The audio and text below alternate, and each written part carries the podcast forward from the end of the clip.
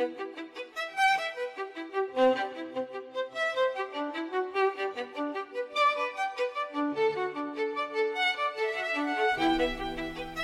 Dette er Bergens historie med lokalhistoriker Bjørn Bagge, og eh, det er jo ingen tvil om at Bergen er en veldig populær turistby i eh, vår tid, men det var den også i den tid. Og nå, Bjørn, så skal vi inn på kanskje et av de absolutt mest kjente hotellene i Bergen. Ja, vi har jo tidligere snakket om hotell, Holts hotell i dag så hadde jeg tenkt å snakke om det flotteste hotellet som noen gang har vært i byen. Eh, det var da Hotell Metropol som åpnet dørene sine i Kristis gate i 1897. Og jeg overdriver ikke, men dette ble sett på som byens flotteste hotell, og stedet hvor alle som besøkte Bergen, ville bo. Ja, igjen, vi må trekke en liten sånn linje bak. På slutten av 1800-tallet var jo Bergen blitt en moderne by, med stor tilstrømming av besøkende. Og dette førte jo til en rekke da, hotelletableringer i byen, som vi har allerede vært litt inne på. Eh, allerede på midten av 1890-tallet hadde da byen fått to store hoteller, Hotell Norge og Holts hotell, men også en rekke mindre eh, bosteder for de som ville besøke byen. Og da i mai 1897 åpnet da byens nyeste og flotteste hotell, Hotell Metropol. Ja, den som var initiativtaker, hva skal vi kalle det, drivkraften bak Metropol, var jo da skomakermester William Martin Mikkelsen. Og, og hotellet det var, det var, faktisk bygget med lånte penger, og det var ikke spart på noen ting under byggingen. Og det var den kjente bergenske arkitekten Johan Faye, ja, han som annet har tegnet Hotell Norge, det har også tegnet Metropol, og en lang rekke bergensfirmaer deltok da i byggingen. En reportasje i Bergens Aftenblad forteller at Hotell Metropol ble åpnet 16. mai 1897. Og redaktør Lampe i ukeavisen Revyen forteller at Metropol var et førsteklasseshotell som ga både tillitsvekkende og behagelig inntrykk. Og bygningen var da delvis kledd i grønn marmor og pyntet med gull, spir og stukkatur. Ja, dere vet, vi lager jo ikke den type bygg i Bergen i dag. Ikke noen andre steder i Norge, tror jeg heller, for den saks skyld. Vel, ved åpningen så hadde hotellet 60 værelser med alt 80 sengeplasser, og byens aviser var jo veldig begeistret. Revyen forteller at sengene er de delikateste og innbyder formelig menneskeheten til den evige hvile, ikke noe mindre. Hotellets spise- eller festsal hadde også plass til 100-110 personer, og eh, dette flotte lokalet var da dekorert med malerier av kunstmaleren Julius Holk. Og her var jo til og med, ja, etter den tidens eh, var det jo sett på så luksus, da, parkett på gulvene. Ja, og foruten den da vakre spisesal var jo også en svært populær automatkafé. Ja, nå kan du lure på hva det er for noe. Ja, nå er jeg spent. automatkafé. automatkafé. og den var jo selvfølgelig spesielt anbefalt eh, til lunsj for børsfolk. Det var rett og slett at du kunne gå og kjøpe maten over disk. Og dette var noe helt nytt på denne tiden. Så, og børsmennene møtte da også da flittig opp og ble da hurtig automatkafeens stamgjester. Ja, og I tillegg til de større salene, så reklamerte også hotellene, hotellet med flere elegante salonger. En av salongene var byens fineste og best utstyrte. Den hadde myke, halvtommetykke brysseltepper, så det het så greit. Piano og en stor blomsterprakt, og så det het uh, i en avis. Uh, det var formelig en hel botanisk hage i dette rommet, da. Ja, Bandets reisejournal fra 1902 forteller også at Metropol var vakkert plassert, og med kun to minutters spasering til jernbanestasjonen. Det skal dessuten ha vært rimelig etter datidens standard, nemlig to kroner natten. Ja, det var dyrt nok sikkert også. Eh, hotellets salonger ble da ofte tatt i bruk til private selskaper, eller når byens innbyggere skulle ha en eller annen form for mottakelse. Og eh, alle slags forskjellige arrangementer havnet jo der, og det er litt sånn artig. For det, plutselig når du leser annonser, så er det de underligste ting som dukker opp. Jeg må jo få lov å fortelle om ett sånt arrangement, da.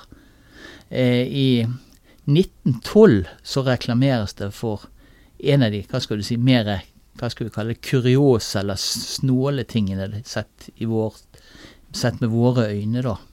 Frenologen, eller skalleforskeren, Sten Frødin, innbød da til mottakelse i hotellet.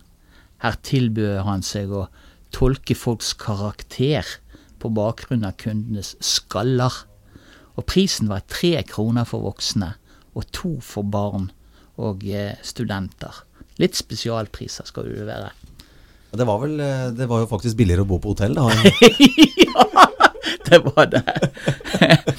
Vel, tilbake til hotellet. En av årsakene til at, til at den bergenske pressen var begeistret for Metropol, var de mange ny, eh, nyvinningene, altså tekniske nyvinningene som hadde fått plass her.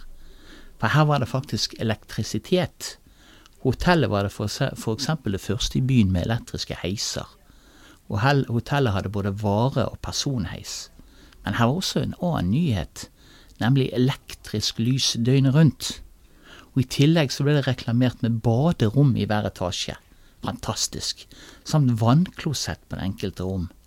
Ja, og til og med telefon ble det etter hvert installert på hvert rom. Så dette var jo egentlig fantastisk luksus. Ja, og hotellet reklamerte jo også flittig for å ha byens beste biljardbord og for den strålende utsikten fra takterrassen. Ja, jeg må få lov å lese et, et, fantastisk sitat, egentlig, fra denne, denne uh, utsikten som du hadde fra takterrassen. Revyen skriver uh, En dag i solglitter og vårebris er synet herfra, altså fra taket av Hotell Metropol, av slik betagende virkning at beskueren kommer til å holde dobbelt av Bergen by. Er ikke noe mindre. Det er slik sett hotellets tak er et av de mest hendrivende utsiktspunkter i vår by. Ja, Hotell Metropol fikk jo da selvfølgelig snart mange stamgjester. Og I slutten av 1890-årene eh, var det f.eks. For forsvarsminister Per Theodor Holst fast gjest her. Og opp gjennom årene så vi var inne på, så var det også ulike arrangementer som var knyttet til hotellet. Eh, og kanskje ikke alle var like fine, for du hører jo òg at, eh, at eh, Ja, det var jo veldig mange som Ja, at, at faktisk så ble hotellet en gang invadert. Du vet, i byen så hadde du leiekusker som kjørte fra jernbanen, som kjørte fra, fra kaien og til disse ulike hotellene. Og disse leiekuskene besøkte jo da også naturligvis da Hotell Metropol. Og Bergens Aftenblad kan fortelle at dette kunne det faktisk bli bråk av. Eh, blant annet en oktoberkveld i 1908, forteller avisen om. Da trengte en gjeng tørste kusker seg inn i kafeen og forlangte øl. Dette endte da i et kjempestort slagsmål, der alle kuskene ble arrestert og dømt til bøter mellom 5 og 40 eh, kroner, da. Litt tilbake igjen til hotellet. Det er mange gode historier når du begynner å leite, så det er litt sånn gøy å bare kunne få lov å kaste opp noen av de når vi sitter her. Sjøl om hotellet ble populært, så ble allikevel økonomien raskt vanskelig.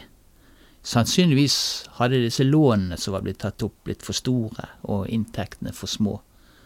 Så allerede i februar 1898 sto det annonser i avisen om tvangsauksjoner knyttet til hotellet. Og i juni samme år så ble et nytt aksjeselskap dannet. Eh, Wilhelm Mikkelsen satt fremdeles med 50% av aksjene. Det var han som dere husker tok initiativet til hotellet. Mens styret var jo da eh, tilført Eh, en som het A.V. Greve, en annen Mikkelsen, og eh, Hansa sin eh, grunnlegger, Valdemar, Valdemar Stout Platau. Og som ikke det var nok, 15. mai 1900 ble Metropol på nytt solgt på tvangsauksjon. Denne gangen ble hotellet solgt til konditor Peder Mikkelsen etter krav fra sakførerne Faye. Ja, og det var, det var, nok ikke helt under en heldig stjerne, dette hotellet, for vi ser at det skifter stadig eiere. da. Utover på 1900-tallet fortsatte hotellets drift under, under, eh, en rekke eiere. I november 1903 solgte Mikkelsen hotellet videre til Hansa Bryggeri for 250 000 kroner. Hansa var da hovedaksjonær frem til 1908, da hotellet ble solgt videre til sogningen Andreas Stadheim for 320 000 kroner. Og i 1. januar 1909 så overtok hotellet Walter driften. I 1912 var det Olaf Evenby som styrte hotelldriften ved Metropol, sammen med sin søster Tyra. Nå hadde hotellet bare 50 værelser, da, men med mellom 80 og 90 sengeplasser. Evenby styrte da hotellets virksomhet frem til Bergensbrannen i 1916. Hotellet brant da ned og ble aldri bygget opp igjen. Reguleringsplanen da etter bybrannen bestemte nemlig at området mellom Kristis gate og Peter Motsfelds gate skulle brukes til nytt rådhus. Vi vet jo alle hvordan det gikk. Der ble jo aldri bygget noe rådhus der. Det, så tomten ble jo da brukt til forskjellige ting, for, men den ble for det meste stående tom da, helt frem til da vi fikk dette Gulatingsbygget som kom i 2016, så vidt jeg husker.